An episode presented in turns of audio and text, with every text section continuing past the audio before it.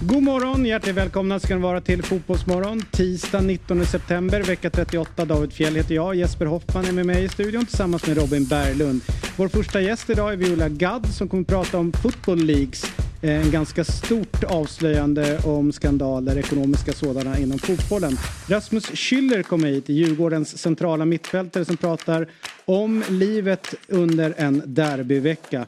Gusten Dahlin, eh, TV4 Plays eh, programledare, är här för att prata om starten inför Champions League som drar igång ikväll. Och sen har vi besökt utav Rosanna Charles, poddaren som berättar lite grann om sin relation till fotboll. Hjärtligt välkomna! Fotbollsmorgon presenteras i samarbete med Oddset, betting online och i butik.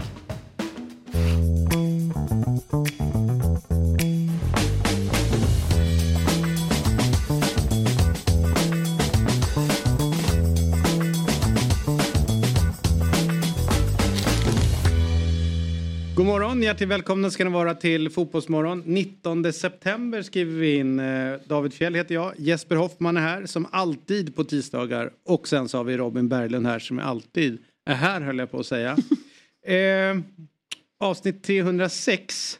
Och det är verkligen en ära att få göra varje dag och i synnerhet tillsammans med er två. Och det är något speciellt att komma till jobbet och mötas av en sprudlande glad Jesper Hoffman. För det har inte hänt så mycket den här eh, 2023. Ja, jag sprudlade kanske inte. Men eh, ja, lite glad var jag absolut. Eh, eftersom mitt eh, och ditt lag vann igår då, så, så var det eh, lite studs i steget på grund av det. det. Det får man väl ändå säga. Ja. Och Robin, eh, du, får jag säga så här, eh, hur ska jag lägga fram det för att inte framstå att du är helt värdelös? Höj Eh, ja, men, men William, jag tycker ju om dig. Jo, men det Ja. Nej men jag du förstår ju inte lika mycket som mig Jesper. Nej. Det är ju det som är är grejen. faktiskt. Men kan du ta till dig storheten i segern igår?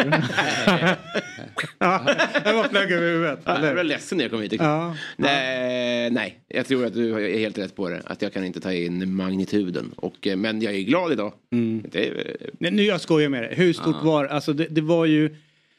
Jag tror alla som håller på... dumförklarar, är- framförallt är Robin själv bra på att dumförklara sin eh, Ja, kunskap ja. kring fotboll. Däremot vet man inte hur mycket du brinner för det. Det, det är väl där man är lite Ja, men osäker. min så är känsla är ju väl ändå att han... Eh, eh, fan men det här är jävligt kul. Låt oss fortsätta ett tag. Vi pratar om honom men han får inte vara med. Ja.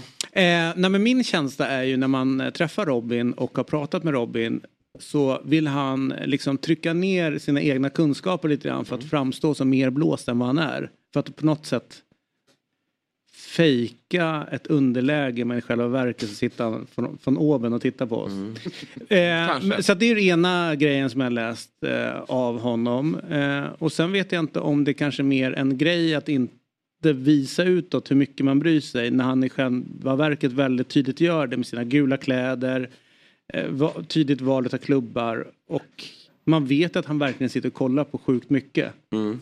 Ja, men jag tror att det är en ganska lättsam inställning till Ah. supporterskapet. Jag vet inte riktigt men jag, jag tror att det är så. Jag tror inte han är... Tycker det är eh, nog ganska sunt. Mm. Ska vi fråga honom? Ja vi gör det. Ja. Hallå! Hallå! Hej, är du här? Jag tror att ni är helt... Eh, så här. Jag tror att jag skruvar ner lite. Eller jag försöker att inte fäkta så mycket. För att fotbollssupporter är offens. En av de sämsta... Eh, om man har fel, då är de väldigt snabba fram med yxan. Och det är inte värt det. Jag är, inte, jag är inte intresserad av att gå in i polemik på Twitter med om jag sa fel eller var fel ute.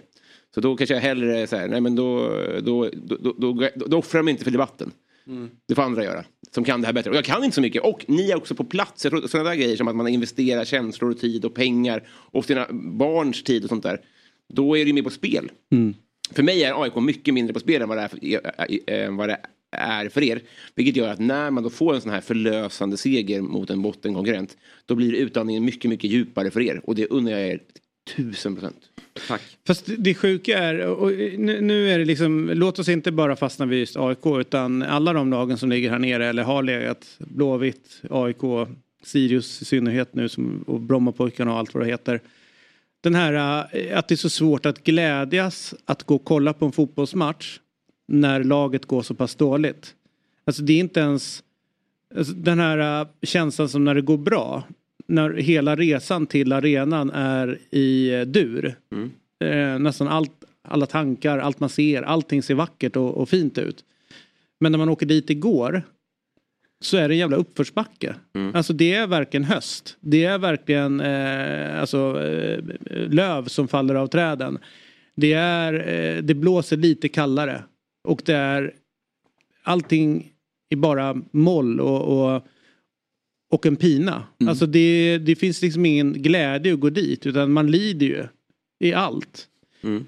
Och på något sätt så känns det som att spelarna också gör det. För att de kan inte ens göra de mest enkla grejerna. Typ täcka en boll. Nej. Eller stå en passning. Ja. Så att det är ju jag vet inte varför man går dit egentligen. Om man tänker så här att man ska fylla sitt liv med saker som ger en energi och glädje och sådana saker. Det, det fanns inte, inte ens när de vinner igår så är det glädje. Utan det är någon form av Närvaroplikt. dels närvaroplikt men också typ så här att ja, men man är knappt lättad utan det är liksom så här nu mot nästa. Vi, Ja. Och man får inga svar som är positiva. Man får inget svar som ger, inger hopp. Trots att man vinner. Nej, du dit? Vad sa du? Varför gick du dit? Nej men jag är alltid, jag går ju på nästan alla matcher. Det är ju nu när man inte riktigt får ihop pusslet ibland då, som man gör det. Jag har inte bestämt mig, jag gör på söndag faktiskt. Jag är- fasar ju för en, en ny läktarskandal och eh, helger då, då vill min son till varje pris se matchen. Han var helt förtvivlad igår när jag stack iväg själv. För det blev för sent för honom att, att se Vi torskar ju varenda gång han är där. Ja, det ja, är det, roll. också. det var min bra. första seger där. Ja, exakt. Så jag borde hålla honom borta på, på söndag egentligen. Sen tror inte jag att det hjälper. Så långt bort du kan. Ja, egentligen borde det vara så. Men, Byt- byt lag, Fred, nej, men jag, så jag gick ju sol igår, eller Axel sitter ju så gott som bredvid mig. Men eh, jag kände att eh, igår behövde man vara på plats. Och som David eh, nämner här så är det ju som så att man lämnar ju med en viss lättnad såklart. Och det viktiga är ju när man är där nere att bara ta poängen. Ja. Det, det får man ju inte komma ifrån. Det är verkligen det viktiga. Sen är det ju på ett sätt, alltså jag tycker verkligen att det är tre lag i Allsvenskan som är sämst. Och det är Varberg, tydligt. Sen är det Degerfors och sen är det AIK. Och det tycker jag syns igår med insatsen. Och jag kan inte säga att jag tror särskilt mycket på det här. Jag, eh, får jag en kvalplats här idag så tar jag den fortfarande. För jag tror att det här kommer bli eh, fruktansvärt svårt. Och jag är... Jag förstår faktiskt inte hur man efter så pass stora förändringar och så mycket pengar man har lagt på ett tränarbyte, på att få in så många spelare. Att det inte, och återigen jag är inte ute efter att det ska se fantastiskt ut. Jag hade gärna sett 11 man som slet i eget försvar och slängde sig och offrade sig och, och tog en 1-0 seger. Då hade jag sagt att fine, är det det här sättet vi ska ta oss hela vägen i mål på, eh, då kommer vi att, att fixa det här. Men nu finns det ingenting där ute och eh, jag eh, har väldigt svårt att förstå vilken typ av fotboll Henning Berg vill, vill, eh, vill bedriva.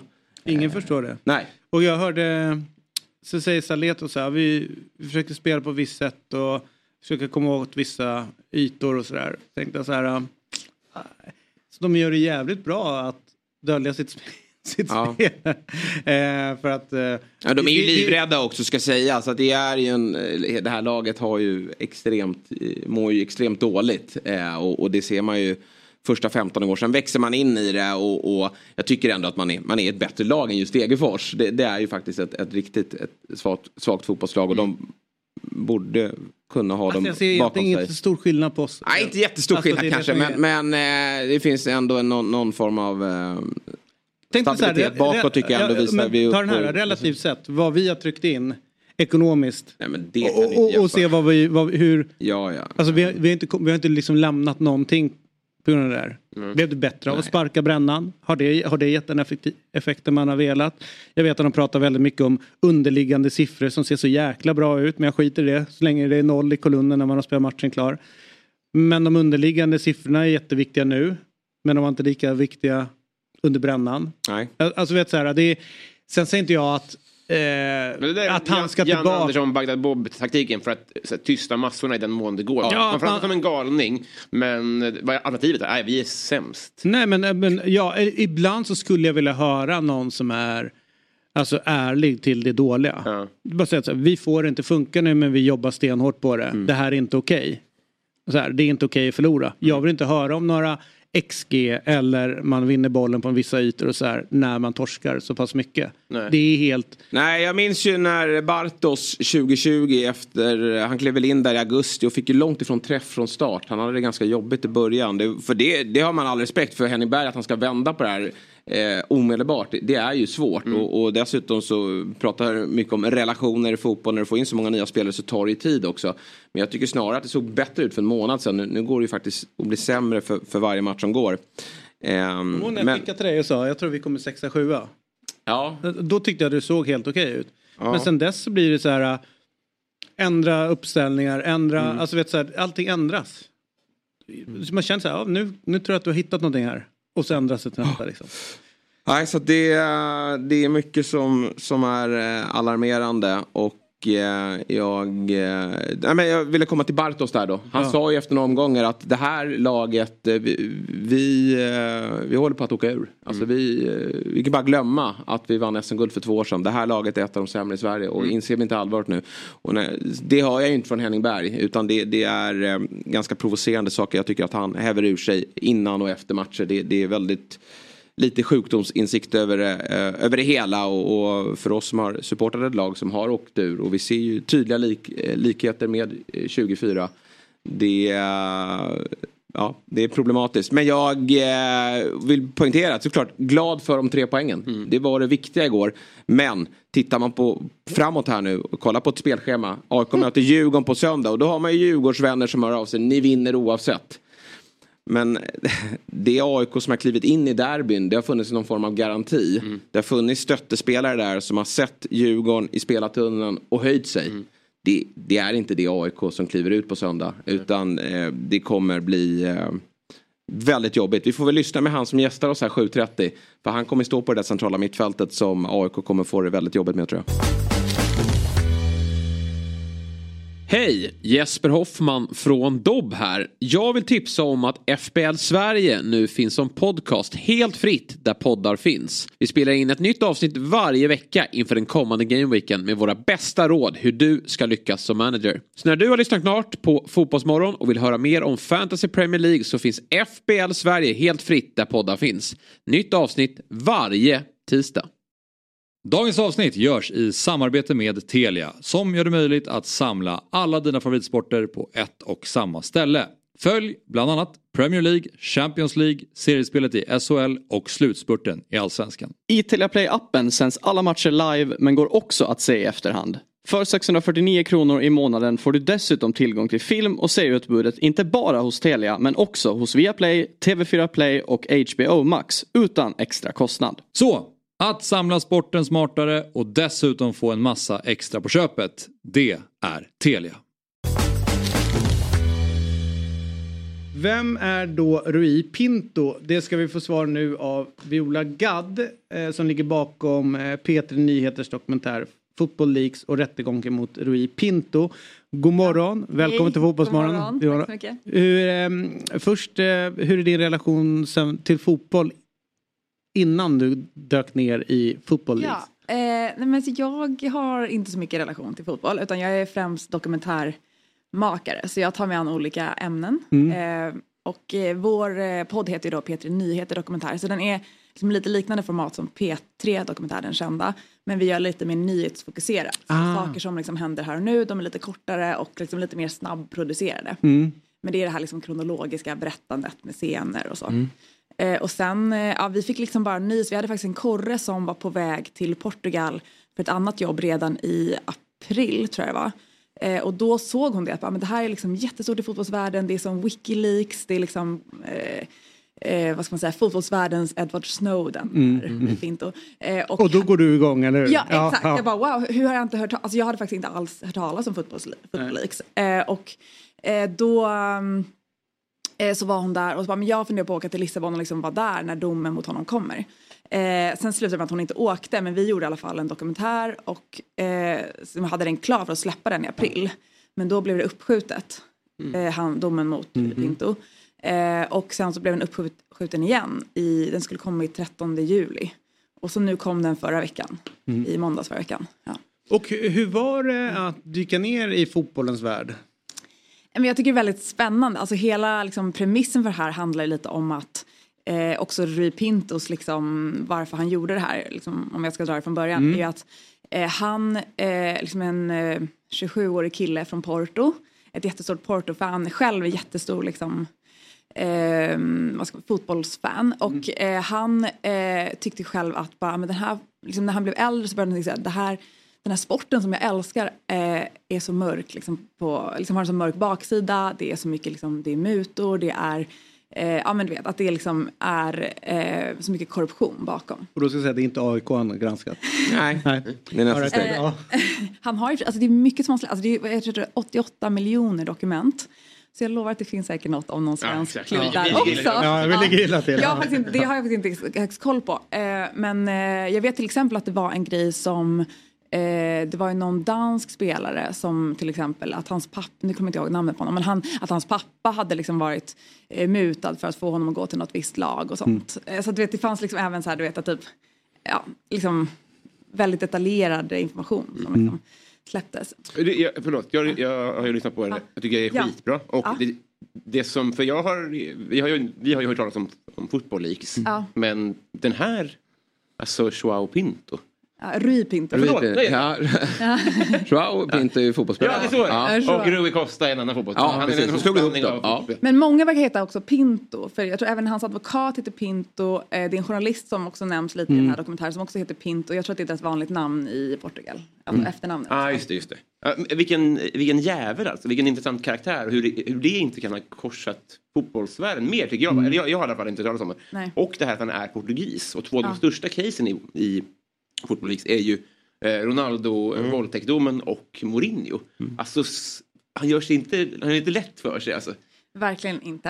Eh, och eh, det är ju det som är spännande egentligen med det här också. Att det har fått typ de största klubbarna och de största fotbollsspelarna på fall. Alltså nu kan man säga de på fall, de har väl tagits upp igen. Men i alla fall, eh, ja, ehm, Cristiano Ronaldo fick ju böta 90 miljoner euro eh, för skattebrott och när han spelade i eh, Real Madrid. Eh, och eh, det är ju inte så lite faktiskt. eh, och sen är hela den här våldtäktsanklagelsen är ju eh, lite speciell för att den hade ju egentligen läckt ut innan. Eh, men då hade, men det som kom ut i Football Leaks var egentligen ett mail från eh, Cristiano Ronaldo eller någon representant, representant för honom till hans advokat där han skulle fylla i ett formulär eh, vad som hade hänt den här kvällen då i Las Vegas 2009 när han då liksom blivit anklagad av en kvinna att ha eh, våldtagit henne. Eh, och han har hela, hela tiden nekat officiellt men i det här mejlet så, han- så säger han då att eh, nej, men hon sa nej flera gånger och jag hörde det men jag fortsatte ändå. Och då läckte det ut. Sen så ändrades det i typ nästa mejl så har han en annan version. Eh, men då att det här första liksom, vittnesmålet från honom faktiskt eh, var ett erkännande. Liksom, det läckte ut eh, och blev jättestort. Eh, även hon Majorga som anklagade honom gick ut en stor intervju i Der Spiegel. Eh, men det här har ju Ja, han säger att det här är fake news, Cristiano Ronaldo, att det är liksom folk som försöker sabba för honom. Och det började en utredning igen i Las Vegas när det här kom ut. Eh, men den lades sedan, sen ner i brist på bevis för det var så långt efter. Så. Tusen tack för den här Ja. morgonen. Eh, tack så jättemycket. Eh, och det Och- finns ju eh, eh, P3 Nyheter Dokumentär ligger ju på Sveriges Radio eh, Exakt. och finns i, dera, i eran app. Den Vi- finns i appen på Spotify. Ja. Ja. Den finns på Och där, där app- poddar där, finns. Där poddar Ja, finns. precis. Exakt. Så att, eh, Eh, kolla in den. Football ja. Fot- Football Leaks och rättegången mot Rui Pinto. Vi är denna vecka sponsrade av Hantverksdata. Ett målbaserat affärssystem som hjälper över 100 000 hantverkare varje dag. De hjälper hantverkare att digitalisera sin vardag. Precis, vilken grej! Och vi kliver in i en period nu när det är matcher i de största ligorna och Europacuperna mest hela tiden. Såväl vardagar som helg. Så med hjälp av hantverksdata sparar man tid och pengar för att hinna se alla matcher. Och Fabbe, om man bortser från de här korpmatcherna du kollar på och fokuserar på de större ligorna. Hur många matcher ser du varje vecka? Ja, men jag skulle nog säga att det är minst tio, ibland fler. Så uh, då gäller det ju att vara väldigt effektiv. Jajamän, och Hantverksdata har hjälpt hantverkare att spara tid och pengar i över 50 år. Allt är samlat i samma system där du hittar lösningar för bland annat order, projekt, service, lön och lager. Du behöver bara ett system för att effektivisera din vardag. Nämligen det från Hantverksdata. Av hantverkare, för hantverkare. Vi säger tack till Hantverksdata som är med och sponsrar Fotbollsmorgon. Poddtips från Podplay. I podden Något Kaiko garanterar östgötarna Brutti och jag, Davva, dig en stor dos skratt. Där följer jag pladask för köttätandet igen. Man är lite som en jävla vampyr. Man har fått lite blodsmak och då måste man ha mer. Udda spaningar, fängslande anekdoter och en och annan arg rant.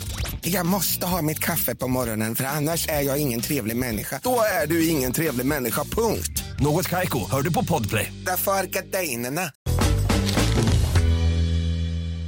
Jag gick runt i Lidingö centrum och jag tycker det är så kul, när, en, en liten rolig övning som jag har. När det kommer ett barn med en fotbollströja så vill jag alltid kolla vad som står på ryggen. Eh, Exakt. Och, och det är ju oftast de vanliga, det är Messi och det är Ronaldo och, och um, ja, ibland kan det vara någon, någon svensk spelare. Även om inte det sker så ofta Nej, ändå. nej. Eh, men så dyker det upp en pojke i finsk landslagströja på, på håll. Springandes mot Pressbyrån. Och du tror det står Enberg? Nej men då tänker jag så här, nej men den där landslagströjan har väl inget namn och nummer på sig.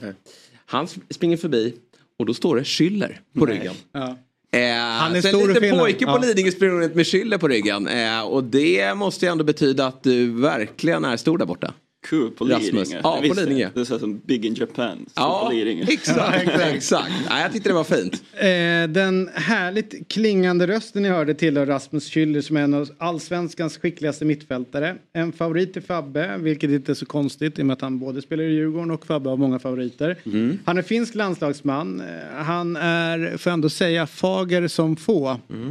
Eh, och han är med oss denna morgon. God morgon, varmt välkommen till Fotbollsmorgon. Vår granne Rasmus Schüller. Tack så mycket. Kul att vara här. Du, eh, ja det är härligt att ha dig här. Vi, ju, eh, vi ser ju dig ganska ofta i och med att som sagt var du är, du är granne. Mm. Hur är en extra nerv när man mitt inne i en derbyvecka? Det är inte extra nerv än så länge. Men eh, mot slutet av veckan så kommer det garanterat vara det. Det är en speciell vecka. Det som du säger, derbyvecka. Hur är det, eh, för, för så här, om vi är på väg till en derbymatch, i synnerhet mot Djurgården, eh, det är ju liksom det riktiga derbyt. Det är så mycket eh, känslor inför en sån match. Det är, så, det, det- är verkligen så att man inte får torska matchen. Det är liksom den matchen man inte får förlora. Har ni samma liksom, liksom hela matchdagen, blir det liksom ett, ett extra påslag? Alltså när sätter det igång?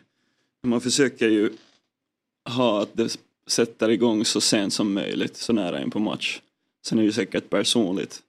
När det gör det, ja, och desto fler derby man har spelat så desto lättare är det kanske att, att liksom kanalisera det att det först sker Mm. in till matchstarten. Om man spelar sitt första derby så kan det ju vara att det, det gör det tidigare. Eh, Men jag tycker att alltså som derbyna är också fotbollsmässigt, det är sällan eh, väldigt mycket fin lir och vacker fotboll utan det är liksom att det är spelare också som tuggar sig igenom matchen så kan man se att det finns ju ett extra påslag där fortfarande. Jag tycker mig se en skillnad när det är en derbymatch på gräs och plast. Just det här med att på plast så kan man inte gå in i press på, på likadant. Märker du att det blir en annan karaktär på derbymatcherna när ni är på, på gräs? Alltså det, överlag är det ju så som du säger, så på gräs är det ju det är ett lite långsammare underlag än, plast och det är ju lättare att komma in i en press på gräs än på plast. Och därav så, så det här blir det ju ännu mer äh, duellspel och kamp. Gillar du det? Det gillar jag, det passar mig väldigt bra. Det gör det ju. Är glappet mellan en vanlig lunk-seriematch och ett derby större för supportrarna än för spelarna?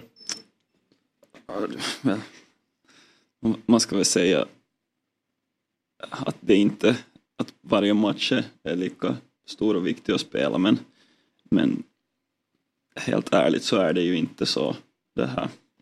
Det är ju roligare att spela ett derby. Ja, och personligen så ser jag nog väldigt mycket mer fram emot att, att spela ett derby oavsett om det är hemma eller borta mot AIK än, än att jag vet inte, spela en, en IP bortamatch någonstans i, i Allsvenskan.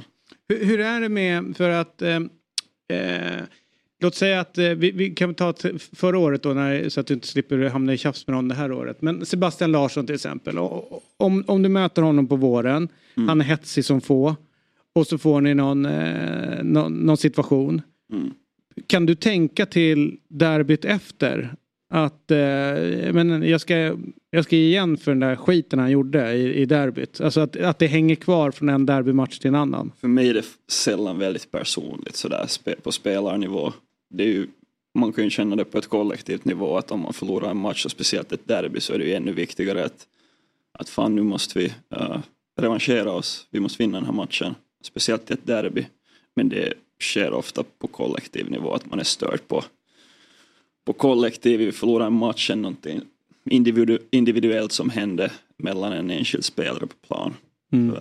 Men att absolut kan det ju Hur dåliga är AIK i år? Alltså hur lätt är de att, uh, jämfört med vad normalt tidigare år? Alltså hur stor skillnad är det att möta? Jag tror att det kommer att vara exakt samma oavsett. Det brukar inte ha så stor skillnad i derby med trupps. Eller liksom uh, tabelläge.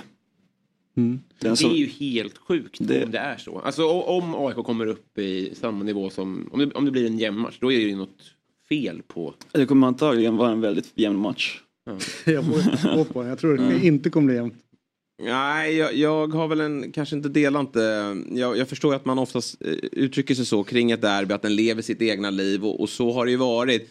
Men jag måste ändå gå till, eh, när jag kliver in i en match, i mina liksom, värden är ju att Djurgården är ju ett bättre lag än, än AIK eh, i år. Eh, kliver man, försöker man inte boosta det som lag i Djurgården nu i uppsnacket att ni känner att vi, det är bara att kolla på tabellen, eh, det är kolla hur det gick senast. Vi är ett bättre lag, nu gäller det att vi får ut det. Är det inte farligt att kliva in med den här känslan det här är derby, det här kan slita, li- sluta lite hur som helst? Jo, så är det ju. Det, och det kommer vi ju göra också. Vi har inte... Vi spelar på lördag, lördag mot Värnamo har haft, vi har haft, som ni sa, hade vi mycket manfall. Så vi, har, var- vi har inte tränat nu på två dagar. Vi kommer träffas idag. Så vi har ju inte börjat scout, eller såklart har man koll på AIK, men vi har inte på så här lagnivå kollat så mycket klipp. Gått igenom matchplan, det börjar vi med idag. Men det kommer ju absolut poängtera att vad vi ska göra, vi är ett bättre lag, hur vi ska ta oss an matchen. Uh, och hela den biten. Men sen tycker jag att det är bra att ha med sig också och vara förberedd att hej, att det är ett derby. och det är ganska mycket annat också som kan hända. Men det här, det kommer vi trycka på absolut. Ja. Djurgården i stort då, en, en helt otrolig fjolårssäsong. Eh, Svår att upprepa, tvåa i allsvenskan och, och hela vägen till Conference League. Eh, Den här sidan om året också då med, med eh, 16-dels eh, final mot eh, Poznan. Eh, eh, sämre i år, V- vad skulle du säga peka på varför är Djurgården inte fullt lika bra som i fjol? Ja, det, det är en bra fråga. Det har vi ju, de knutarna och de, de frågorna har vi försökt lösa hela året men har inte, har inte riktigt gjort det. Ja. Vi hade ju, inte i året så hade vi ganska intakt trupp. Uh, några nyförvärv, väldigt bra nyförvärv. Uh, men så har vi ju inte fått spelet att stämma och liksom harmonin i gruppen genom i fjol hade vi en vi hade en bra bred trupp men vi hade kanske väldigt på något sätt tydlighet i, i vem som spelar vecka ut och vecka in så här på något sätt en, ska man säga, grundidé och då blir det ganska naturligt att bygga väldigt tydliga relationer. I år har vi haft på ett annat sätt mycket bra spelare som hela tiden konkurrerar. Startelvan och de som spelar har levt ganska mycket och då har vi inte varit tillräckligt duktiga på att bygga de relationerna där ute på planen på det sättet som vi borde ha gjort för att kunna spela uh, lika, lika så här poängstark fotboll som vi gjorde i fjol. Jag tycker att i en serie, uh, i en lång säsong så handlar det ju om att spela spela, vinna poäng, eh, veta hur man vinner en match oavsett fast det inte stämmer varje gång. Uh, och det gjorde vi bättre i fjol. Vi har gjort jättebra matcher i år också. Säkert minst lika bra som i fjol men sådär kontinuiteten att ha det och liksom sitta vecka ut och vecka in så det har vi ju inte haft och därför ligger vi inte vet jag, 10 poäng efter Malmö eller något sånt. Sverige mm, går ju väldigt dåligt på landslagsnivå. Finland, alltså jag såg matchen mot Danmark och tyckte att det var, såg svinbra ut. Hur bra är, hur bra är finska landslaget sett till eh, ur ett 20-årsperspektiv eller någonting? Hur bra eh, är det det bästa på så lång tid? Eller? Ja, det, det är svårt att jämföra epoker sinsemellan men om man bara kollar resultatmässigt och, och så här hur vi klarar oss i, i de här kvalen så är det ju det bästa som Finlands fotbollslandslag någonsin har presterat. Mm. För senaste en var vi med VM-kvalet var helt okej, vi slutade trea i vår grupp och nu är vi igen det är ju såklart fyra matcher kvar att spela men vi har alltid att spela för en bra position att nå EM igen. Mm. Så ur ett sånt poängperspektiv så, så är det bästa någonsin. Sen har de väl under den här 20-årsspannen har de väl reformerat lite kvalkonceptet. Jag vet inte, det, det. är lite fler lag som kommer med nu för tiden än tidigare. Men, men jo, det går nog absolut att, att det här säga att vi är högt uppe på ett sånt det perspektiv. grupp? Eh, 13, 13, 12, 12. Alltså de fyra första dagen. eh, Ja, det är jämnt. Alltså det är ju det så att vi, man ska ha tänkt att eller hoppats att, att Slovenien skulle ha tappat någon, någon match mot alla har vunnit typ borta i Nordirland. Så Nordirland har ju liksom varit sämre än förväntat. Samtidigt har de spelat helt okej men de, de är så att de lyckas inte vinna eller ta poäng fast de spelar okej. Mm. Så att ja, det är helt öppet för de här två sista fönstren. Hur skulle du säga att eh, intresset för finsk fotboll är? Eh, eh, från Sverige så är ju känslan hela tiden att hockeyn är nummer ett och det antar jag att den är. Men, men samtidigt så växer ju fotbollen globalt hela tiden och det är ju Mm. tveklöst världens största sport och i, i Sverige så är ju fotbollen såklart ändå eh, nummer ett. Närmar sig fotbollen eller, eller är det fortfarande ett, ett, ett gap? det, man kan ställa frågan tror jag på två sätt. Att så, man, om man jämför hockeyn och fotbollen på landslagsnivå, lejonen och berguvarna. Ja. Så då är, då är vi Varför väldigt... kallas ni för berguvar för? För att eh, du, måste, du måste googla på det, är väldigt coolt faktiskt. Det är typ 10-15 år sedan det var en berguv som bodde på Olympiastan. Ja. Ja. Som, som avbröt en match mot, mot Belgien. Uh, svävade över stadion och in på plan. Matchen stod 0-0 så kom berguven. Uh, matchen avbröts, ja, matchen avbröts för 10 minuter och matchen återupptogs igen så var Finland helt ostoppbara och slog Belgien. Ja. Ja, det är otroligt. Här historien är ju alltid så här 200 år gamla och svåra att tro på. Ja. Men när det sker när det är färg-tv. Ja, exakt. Ja, det stämmer. Inga konstigheter. Det är berguvarna. Ja. Att ni inte kom på det här innan. Men du, du nämnde... Jag vill höra. Eh, Lejonen versus Ja, berguvarna. så där, jag tror att det är ganska flat nu för Ja, det är det. Så där, vi är väldigt populära som landslag. Sen på inhemsk så här klubbnivå så är nog hockey, hockeyn steget före och det Mm. större pengar och större tv-kontrakt och sånt här. Men att eh, på landslagsnivå så tror jag att så det boomen verkligen. Hur känner du? Jag vet att du trivs väldigt bra i Djurgården. Skrev ju ett, ett långt kontrakt här nyligen och är väldigt omtyckt bland supportrar. Och sen har jag förstått det som att du hade din pappa var djurgårdare va? Ja, det, det stämmer. finns en Det Djurgårdskoppling finns en sedan koppling, tidigare. ja. Märkligt. Men, eh, ja, det tycker du och jag. Eh, men eh, vad, vad tänker du kring, eh, skulle du vilja avsluta några år i, i, i Finland? Har du den liksom relationen eller känner du att det, är- det är här i Djurgården i allsvenskan som, som du vill se det slut? Ja, det, jag, vet, jag vet inte egentligen. Ja. Så när jag, jag gick från HIK till, till Djurgården så var jag sådär, då kände jag att, att jo, jag vill verkligen spela i HIK ännu någon, någon säsong innan jag lägger av. Men sen... Men det glömmer man snabbt när man ja, lämnar Finland. li, livet förändras ju, jag är en svensk sambo här Mm. och vet, liksom, ska man, jag vet inte. Vi får se, det skulle vara roligt. Men... Fan till Lidingö. Ja, det är så stort här. Så då erövrat Lidingö. Jag får inte många Lidingö i division 3, skjuta upp dem till tvåan. Alla står med jag. Ja, exakt. Även jag. Ja. Kör den här. Men du, eh, du eh, ni mötte ju Danmark här senast. Seg torsk sent och sådär. Verkligen. Men apropå Danmark så har ju du en, en relation också till att möta just Danmark som du tog upp under ditt sommarprat. Det är ju när Christian Eriksen Ja. faller ihop Ja. inne på parken. Ja. Det var ju extremt svårt att se på tv-rutorna. Eh, och man, ja, inte chockad men man blev ju väldigt berörd av det hela. Hur var det för dig som stod inne på arenan och fick det liksom du, du var på väg att hoppa in i matchen och så föll han ihop om inte jag fel. Ja, det skedde i första halv, halv, halvlek så jag höll inte på, eller då, jag höll på att värma upp. Liksom, var förberedd för att hoppa in i något skede av matchen. Men eh, ja, det var, som, som du sa, det var ju en stämning som man inte har upplevt innan eller knappast kommer, hoppas inte att göra igen.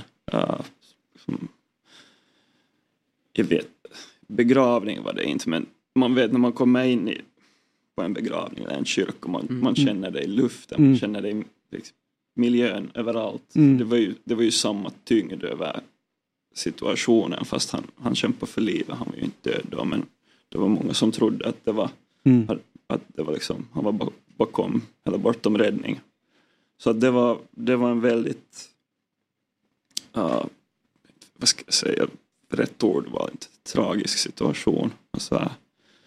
Men att, ja, tur, tur är så han, han är ju kry och frisk Mm. och spelar nu Hur var det att senast mot fortsätta oss. den matchen efteråt? Då? Liksom att fortsätta en fotbollsmatch efter Ja, det var när jätte- man har varit inne i det Nej, här men det- begravningsrummet. Ja och... men det var jättekonstigt. Jag, så här, det var bara märkligt.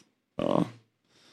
Samtidigt för, sådär så av uppläggen så, som lades upp då att vi skulle fortsätta komma tillbaka och spela typ mitt på dagen nästa dag. Det skulle också ha varit Ja. inte vet jag, väldigt konstigt och svårt tror jag. För ni vinner ju den matchen. Ja. Det är ju, hur, ser man, hur ser ni på den segern? För den är ju historisk ur ett finskt perspektiv men den är ju också på så himla märkliga premisser. Ja, hur ska man se på den? Just där och då så var jag ju inte liksom speciellt glad eller lycklig över den vinsten. Nej. Men sen så, vad ska man, vad ska man göra? Det är vår första EM-match. Uh, måste vi också kunna få glädjas över en sån Ja. vinst. Det är ju liksom, Det är ju inte ert fel. nej, Nej. Att det är ju en historisk och stor, stor match för oss. Ja. Ja. Det som jag tycker är lite häftigt med dig Rasmus det är ju att eh, inte bara det faktum att du har den goda smaken att välja en svensk flickvän eh, och eh, landa in mer i Sverige än Finland. Eh, så är det ju att eh, du har lyckats eh, ta en examen samtidigt som du är elitspelare i fotboll. Och det är väldigt många som säger att man hinner inte, man kan inte och, och sådär. Men du eh, har visat att det kan. Hur viktigt har det varit för dig att ha studierna på sidan om och kanske ha någonting annat att tänka på än bara fotbollen? Det är jätteviktigt. För mig mm, så är det ganska mycket att praktiskt också att jag blir väldigt rastlös om jag bara spelar fotboll. Uh, jag fattar spelare som, som har till exempel familj eller, eller barn eller så, så är det ju händerna fulla och, och mycket att göra hela tiden. Och man har mycket utanför fotbollsplan men sen praktiskt sett så har vi ju mycket tid under dygnet att, att ägna oss åt annat om man vill äh, än fotboll. Träningstiden är, är kort så om man har energi så, så hinner man göra annat och, och för mig har det att, att fylla det, den tiden har varit studier. Så jag har ju hållit på väldigt länge och, och nu blev jag i somras klar med en etapp. En, en etapp. Det här är alltså en jag har ju pluggat juridik i Helsingfors universitet och jag har nu juristprogrammet äh, lite på hälften jag ska göra min, min det här uppsats men, men det här var en, en, ett sidospår, en, en master i, i sports law som, som det heter som jag av naturliga skäl väldigt intresserad av och jag håller på med, med fotboll. Men utbildning i juridik, eh, sportslaw, eh, en lång fotbollskarriär. Eh, Det luktar ju lite sportchefshåll. Eller ännu högre upp i en fotbollsklubb. Tänker du att du skulle vilja vara kvar i fotbollsvärlden efter karriären? Nu är du ung fortfarande Mm. men Ja men för tillfället, jag kan ju inte, för tillfället är det ju det. Jag kan inte säga mig eller, eller tänka mig till något annat. Jag har ju inte heller erfarit så mycket annat i, i mitt arbetsliv än fotboll. Så därav av naturliga skäl så säger jag mig själv i idrotten i fotbollen i framtiden. Men sen, sen får framtiden absolut utvisa hur det blir. Vi är denna vecka sponsrade av Hantverksdata. Ett målbaserat affärssystem som hjälper över 100 000 hantverkare varje dag. De hjälper hantverkare att digitalisera sin vardag. Precis, vilken grej! Och vi kliver in i en period nu när det är matcher i de största ligorna och Europacuperna mest hela tiden. Såväl vardagar som helg. Så med hjälp av hantverksdata sparar man tid och pengar för att hinna se alla matcher. Och Fabbe, om man bortser från de här korpmatcherna du kollar på och fokuserar på de större ligorna. Hur många matcher ser du varje vecka? Ja, men jag skulle nog säga att det är minst tio, ibland fler. Så eh, då gäller det ju att vara väldigt effektiv. Jajamän, och Hantverksdata har hjälpt hantverkare att spara tid och pengar i över 50 år. Allt är samlat i samma system där du hittar lösningar för bland annat order, projekt, service, lön och lager. Du behöver bara ett system för att effektivisera din vardag. Nämligen det från Hantverksdata. Av hantverkare, för hantverkare. Vi säger tack till Hantverksdata som är med och sponsrar Fotbollsmorgon. Poddtips från Podplay. I fallen jag aldrig glömmer djupdyker Hasse Aro i arbetet bakom några av Sveriges mest uppseendeväckande brottsutredningar. Går vi in med hemlig telefonavlyssning och, och då upplever vi att vi får en total förändring av hans beteende. Vad är det som händer nu? Vem är det som läcker? Och så säger han att jag är kriminell, jag har varit kriminell i hela mitt liv men att mörda ett barn, där går min gräns. Nya säsongen av Fallen jag aldrig glömmer på Podplay. Tisdagar är ju sedan en tid tillbaka myggfritt. Mm. Det är ju i vissa sammanhang väldigt skönt. Mm. Men för oss är det lite tråkigt. Ja. Men vad är då bättre än att ta fram den kanske hetaste spelläggaren på jobbet? Ja. Ja, men så är Jesper det. Hoffman. Ja, det svårt, svårt. Finns det någonting Alltså, han inte är bra på? Han är bra på golf, tennis, betting, fotboll, alltså dålig- fantasy. Nej, det, finns ju musikproducent. ing, ja, men det finns ju ingenting han är dålig på. Nej, eh, det är Fantasy Premier League. Ja, jo. kan vi börja med och, och lyfta upp. Jävlar, jag hade så dålig omgång skulle och var det min. Du skulle sett min golfrunda i helgen, det var Ja. ungefär lika där right. med. Men det här däremot som Ja. vi är på väg mot nu.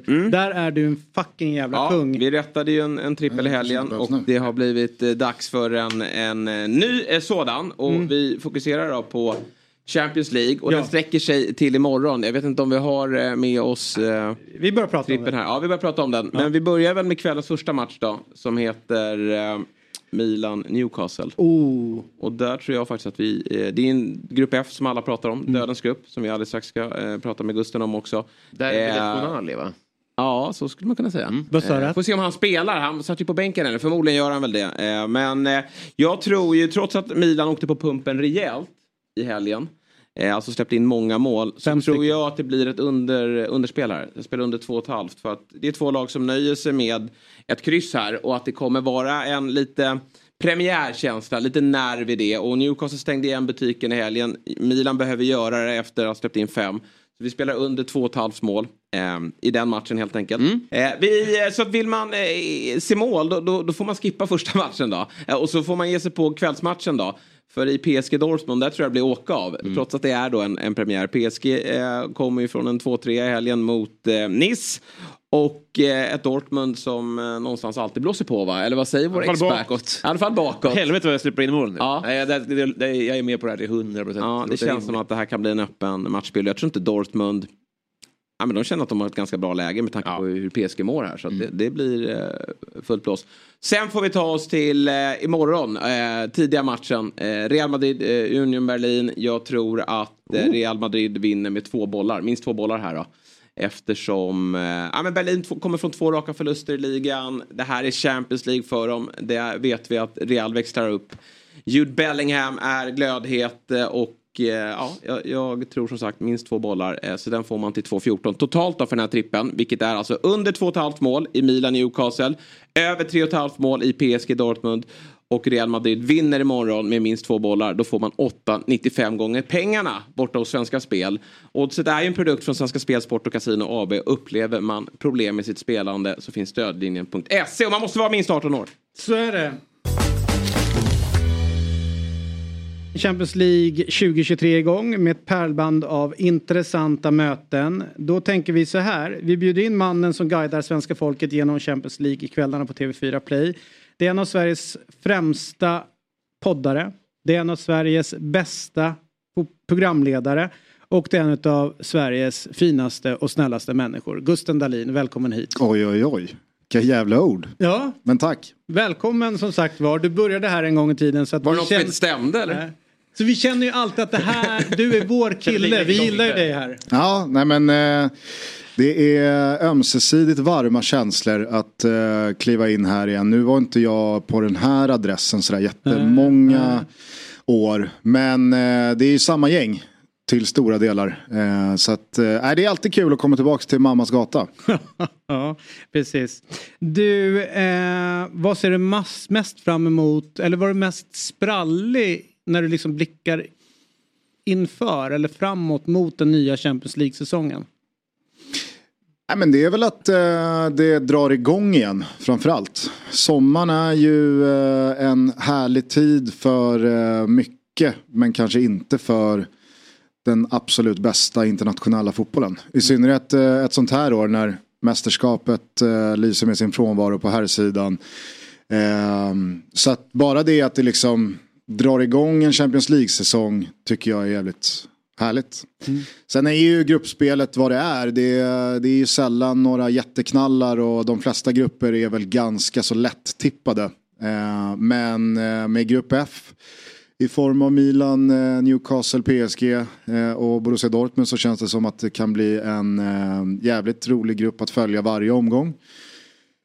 Manchester United är ju roliga att följa mm. för alla oss som inte har liksom emotionellt investerat i den klubben. Harry Kane mot United här i, morgon. mycket svenskar. Eh, och inte de liksom eh, bara usual suspects utan det ska bli kul att se eh, ytterligare av Rooney Bardghji. Framförallt tycker jag i Köpenhamn. Alexander Isak, Champions League-debut. Det är ju märkligt på något sätt att han inte har spelat Champions League än. Men eh, det är väl dags eh, för honom att ta nästa steg. Kanske det sista steget. Jag vet inte hur många steg han har kvar. Men än är han ju inte på någon eh, Haaland eller Mbappé-nivå. Eh, och ska man dit då kan man ju börja med att leverera i Champions League. Så det finns väl hur många lag som helst. Det, det är ju, känns det vemodigt, jag kastar ut det till alla, alla tre här. Det är ju sista eh, säsongen med gamla upplägget. Mm. Med grupper. Vad, vad, tänker ni kring att det, den, den, det här liksom sättet att organisera tävlingen går i graven? Vemodigt är det, är inte så att man har liksom tagit till sig det här upplägget. Nej men de kanske förstör, alltså att det blir en förändring Nej, mot jag, någonting annat. Tänder ljuset. ja, exakt. Gru för, gruppspel, för gruppspelsfasen. Ja precis. Jag har ju tyckt att gruppspelet har varit ganska deppigt de senaste åren. Därför så välkomnar jag verkligen grupp Fast det kommer bli än mer deppigt om inte jag har läst ja, på tillräckligt inte. bra nu. Att det är väl mer uppgjort för att de stora lagen ska ta sig mm. längre. Det är ju ett mer eller mindre direkt resultat av Super League liksom, eh, positioneringen. Att är det det här ni vill så får vi tweaka om det till det här. Mm, så att det blir mer likt det. Alltså de stora ja. lagen, stora ligornas stora lag är, får en lättare resa framåt. Men så kommer det väl, så har det väl varit och så kommer det ju vara framåt också. De, de bo, äh, låt, låt, mig äh, backtracka lite grann och säga så att så har det inte alltid Nej, varit. Det, utan det, jag, det, är ju det är ett, slut, det är ett sluttande plan som har pågått under ganska länge, lång tid. Eh, för oss som då är fundamentalister så tycker jag att Champions League ska vara mästarlagen som möts. Det ska inte vara några andra lag. Europacupen för mästarlag. Ja, och mm. jag tycker det. För att då fick vi en, en Marseille som kan vinna. Alltså hela, hela den... Det, mm. ja, men hela då, den... då får ju fotbollsvärlden se annorlunda ut. Ja. Det är inte så att du får ett Malmö FF som kan vinna. Nej, men de, i och med att de går in där och kommer få ta del av pengarna så kommer de snabbare komma upp. Snarare än att det är fem lag från ett, ett land som är där. Jag tänder det lilla ljuset för gruppspelet. Sen, först, sen så är jag den första att säga att med eh, både Conference League och Nations League och massa grejer, det är bara att lyfta på hatten. Vad bra det blev. Mm. Och så kanske det blir med det här också. Men det stör mig hur lättvindigt det bara är att byta ut någonting som har varit så länge ändå. Alltså, och ibland så känner jag med att från ett svenskt perspektiv att vi klagar väldigt mycket. Man, man slår på alla trummor att allting är så här, tiden är ur led. Men här känns det tvärtom. Jag har inte hört ett ord. Eh, alltså när internationell, eh, jag vet inte hur mycket jag konsumerar, men jag tycker inte det pratas väldigt lite om det sista året. Med tanke på att det är ändå, det är ändå en ganska stor förändring. Finns väl en del annat. Fokusera på just nu. Men eh, nej, jag tycker som Robin att uh, osvuret är nog bäst här. Uh, och med tanke på vilken dundersuccé Conference League blev och har blivit och är. Sett till hur liksom bespottad och utskrattad det formatet var. Eh, Nations League går väl att diskutera. Jag vet inte riktigt om jag tycker att det är liksom en 5 plus lösning. Men där är man väl biased för att vi ska in i C-divisionen nästa år. Eh, Vilket kan visa sig vara Absolut, ganska bra hamnar alltså, det, det, det är många som inte riktigt orkar göra hela tankesnurran hela vägen. Och det är väl klart att vi förmodligen kommer tjäna på att vara i C-divisionen om vi gör jobbet Ja, och eh, då om kommer ett år. en extra chans att ta oss till. Ja. Exakt, exakt. Men eh, när det kommer till Champions Leagues nya utformning så är det väl klart att det finns en underliggande deppighet i att det klart är eh, utformat för att de stora elefanterna ska få ännu fler liksom, eh, livliner att ta sig dit. Dessutom så utökar man ju från 32 till 36 och med de nya två då grupps, eller de nya två serierna som är. Så förlänger man ju med två speldagar. Så att från och med nästa år så blir det ju inget vinteruppehåll. Utan då ska det spelas Champions League även i januari. Och det kan jag tycka är lite, det kan jag tycka är lite trist. Just för att det För har det är någonting. skitsemester. Ja, men det, nej, ver- verkligen inte. Men jag tycker att det har någonting att man tar en paus från Europaspelet i december, januari och sen så liksom drar det igång igen i mitten på februari, slutet på februari som någon form av vårtecken och nu, eh, nu har man gått upp, byggt upp en hype och lottningen har skett och man har gått och väntat på de här största matcherna. Eh, men som sagt, det kanske blir kanon eh, och så sitter man där eller står där och tycker att fan vad kul med Champions League även i januari. Men en en avgörande grej tycker jag med Europa Conference League och Champions League det är att det är mer vanskligt att förutse de fyra lagen i en semifinal i Conference League än vad det är i Champions League.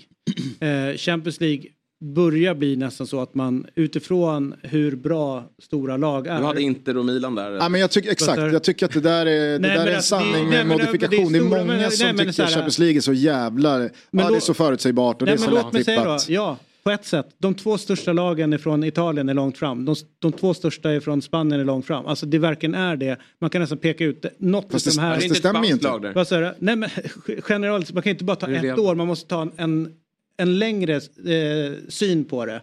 Och så ser vi att det är samma typ av lag som är framme på ett tydligare sätt idag än vad när Champions League drog igång. Om man inte ser det, då blundar man för hur cementerad toppen på fotbollen har varit. Och den cementeras ytterligare med förändringar av Champions League-upplägget. Och den eh, förändras för varje år som går än mer så att några få klubbar, de superligaklubbarna som du pratade om tidigare, kommer bli än mer tydliga topplag och gå långt. Och då är det så här, vad tävlar vi om egentligen från de första 36 lagen som går in? När vi vet att det är ungefär de här åtta, give and take, så kan de snurra runt. Så är det de som kommer göra upp om det från början. Och om man inte börjar bli orolig för att det är så tydligt eh, och att fotbollen har blivit så, Så är det väl cementerad, Men, men hur, många, hur många lag tycker du går in i fotbolls-VM med en realistisk vinstchans? Hur många ja, går in i EM med en Ja, realistisk men- vinstchans? Alltså, Alltså, ju- alla fotbollsturneringar Ja, har väl någonstans en, två, tre favoriter och så finns det idag. kanske fem, sex ytterligare lag som skulle kunna hota. Och så finns det de lag som såklart inte kommer ha någonting med titeln att göra. Jag, jag förstår att det alltid har varit men eh, det jag far efter det är att tidigare så kunde man få en Parma som dyker upp utan att man får en eh, kines eller en Saudi eller något liknande som gör jobbet att ta sig långt. Men ta ditt Roma. Jag har svårt att se att eh, Roms största klubb under en tioårsperiod ens i närheten av att ta sig till en Champions League-final. Semifinal 2018. Ja men framåt. Ja, men Är Milan så mycket vinner. bättre än Roma? Ja det tycker jag. Så, historiskt sett Eh, har de ju varit ja. det. Ja, men jag förstår Alltså- att det är så just nu. Men, Men det alltså skulle- det, det, det är trist att det cementeras. Det vore härligt om man fick ett mest, rena, så här, mest, bästa mästarna gör det, bästa cup, eller cupvinnarna möts där och sen har Uefa Cup.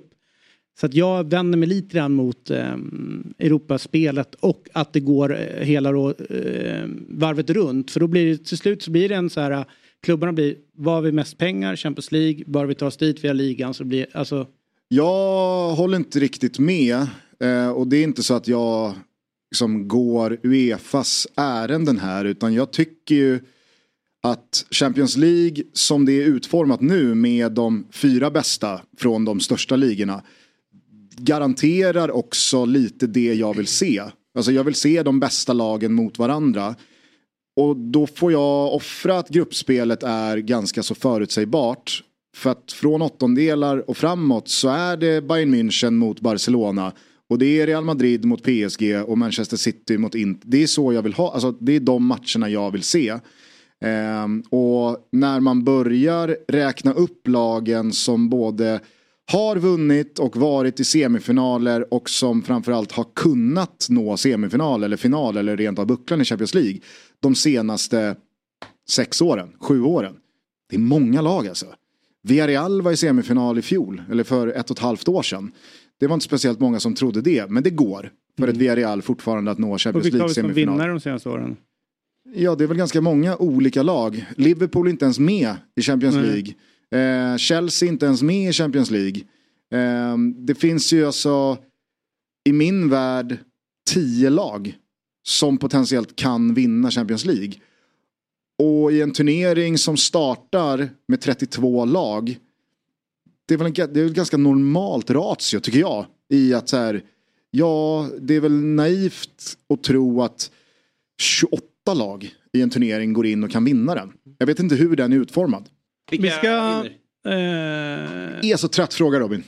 Det, du vet ju. Vilka som vinner. Nej, men, eh, som alltid med, med Champions League så är det ju, det, det är ju först när eh, trädet sätts och lottningen inför eh, åttondelarna kablas ut. Det är då man kan börja, kolla bara i fjol hur en sida såg ut kontra den andra. Det är väl klart att Manchester City ska vara favoriter när allting är ospelat. Eh, sett till både grupp och Håland och slagstyrka och sådär. Det låter som Eh, en FNs konstruktion men jag menade egentligen vilka floppar. Jag, jag tänkte på det innan. Sen, nu, ska, nu ska, vilka vinner? Fan. Det säger jag alltid det. Eh, nej men eh, jag, jag, det går inte att svara någonting annat än att Manchester City såklart är favoriter. Ehm, och ska vara favoriter. Men eh, jag kan tycka att både mm, Barcelona ser extremt liksom, spännande ut sett till deras enkla grupp och nyförvärv och ett år till med Xavi och det finns helt andra krav och jag tror att man också så här, vi vann ligan i fjol. Mm. Vi är Barcelona. Nu är det vår tur att skita Ja men exakt. Alltså de där spe- Lewandowski ju inte i Barcelona för att vinna en till ligatitel. Han har ganska många ligatitlar i det där skåpet. Ja. Eh, så Barcelona tror jag är lite, lite liksom farliga att glömma bort. Eh, Inter tycker jag ser extremt starka ut. Deras bredd. Eh, och de visade ju i fjol liksom att man kan ta sig hela vägen till final. Bayern München såklart med Harry Kane och när Thomas Tuchel liksom får ännu mer lägga sin hand på det där bygget. Är vi säkra på att det blir bra då?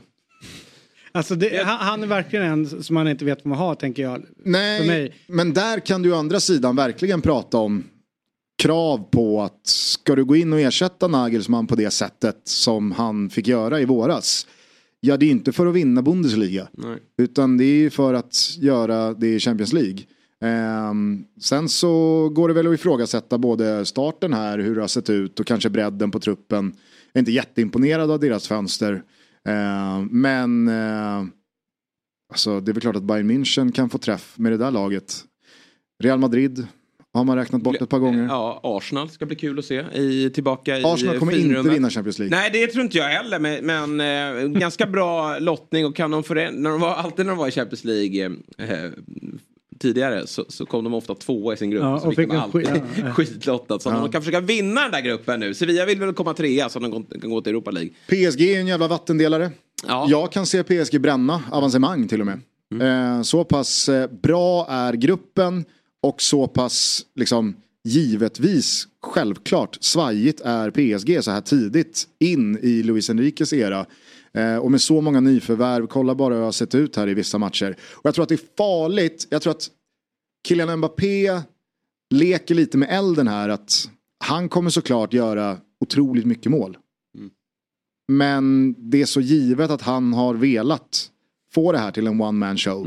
Nu har han ju fått in spelare som har en jättehög potential och är bra. Jättebra såklart i både Gonzalo Ramos och Ousmane Dembélé och Colomani och så vidare. Men det är ju spelare också som vet sin plats i näringskedjan på ett annat sätt än Neymar, Messi. Alltså, vill Mbappé ha bollen från dem så kommer de få bollen. Eller han får bollen av dem. Eh, så jag tror att eh, PSG kommer nog bli... Eh, jag tror att de kommer tappa lite i slagstyrka. När Mbappé ska ha liksom allt. Men... Eh, mm. Härligt. Tusen tack för idag eh, Gusten. För du detsamma. Ja, Lycka till ikväll. Ja, lycka så till ses ikväll. vi på fredag. Fredag, då, Då är det viktigt på riktigt. Då är Gusten tillbaka i FBL Sverige. Får se om jag dyker upp. Men Gusten är med i alla fall. Det är väl du och jag som kanske ligger bäst till i ute. Ja, nej men alltså de flesta är väl förbi Hoffman. Ja, jag såg att Tomislav eh, Ja, jag vet. är Han förbi så, han är så i ligan. fruktansvärt dålig i år. Alltså när man ligger efter Tomislav då är det Nej, Alltså, det, jag ska vara rättvis där. Det är väl bara Axel som är passerad av Tomislav. Ja, så kanske det är. Eh, Men du har Wilbacher sen, framför eh, dig. Jag har Wilbacher framför mig. Jajamän. Så är det. Sen att David Fjell tar ton, det, det vet vi att det är Resan. Resan. knäpptyst Hashtag knäpptyst- resan. knäpptyst efter nio år sedan. Hashtag resan. Mm. Hashtag resan säger bara det. Härligt.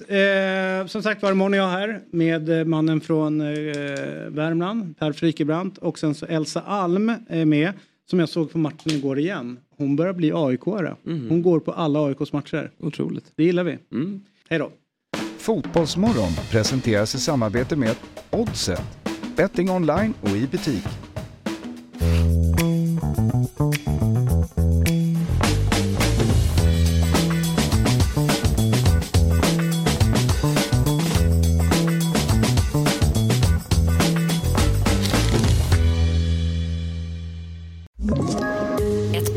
Från Podplay. I podden Något Kaiko garanterar östgötarna Brutti och jag, Davva, dig en stor dos skratt. Där följer jag pladask för köttätandet igen. Man är lite som en jävla vampyr. Man har fått lite blodsmak och då måste man ha mer. Udda spaningar, fängslande anekdoter och en och annan arg rant. Jag måste ha mitt kaffe på morgonen för annars är jag ingen trevlig människa. Då är du ingen trevlig människa, punkt. Något Kaiko, hör du på Podplay. Därför arkadeinerna.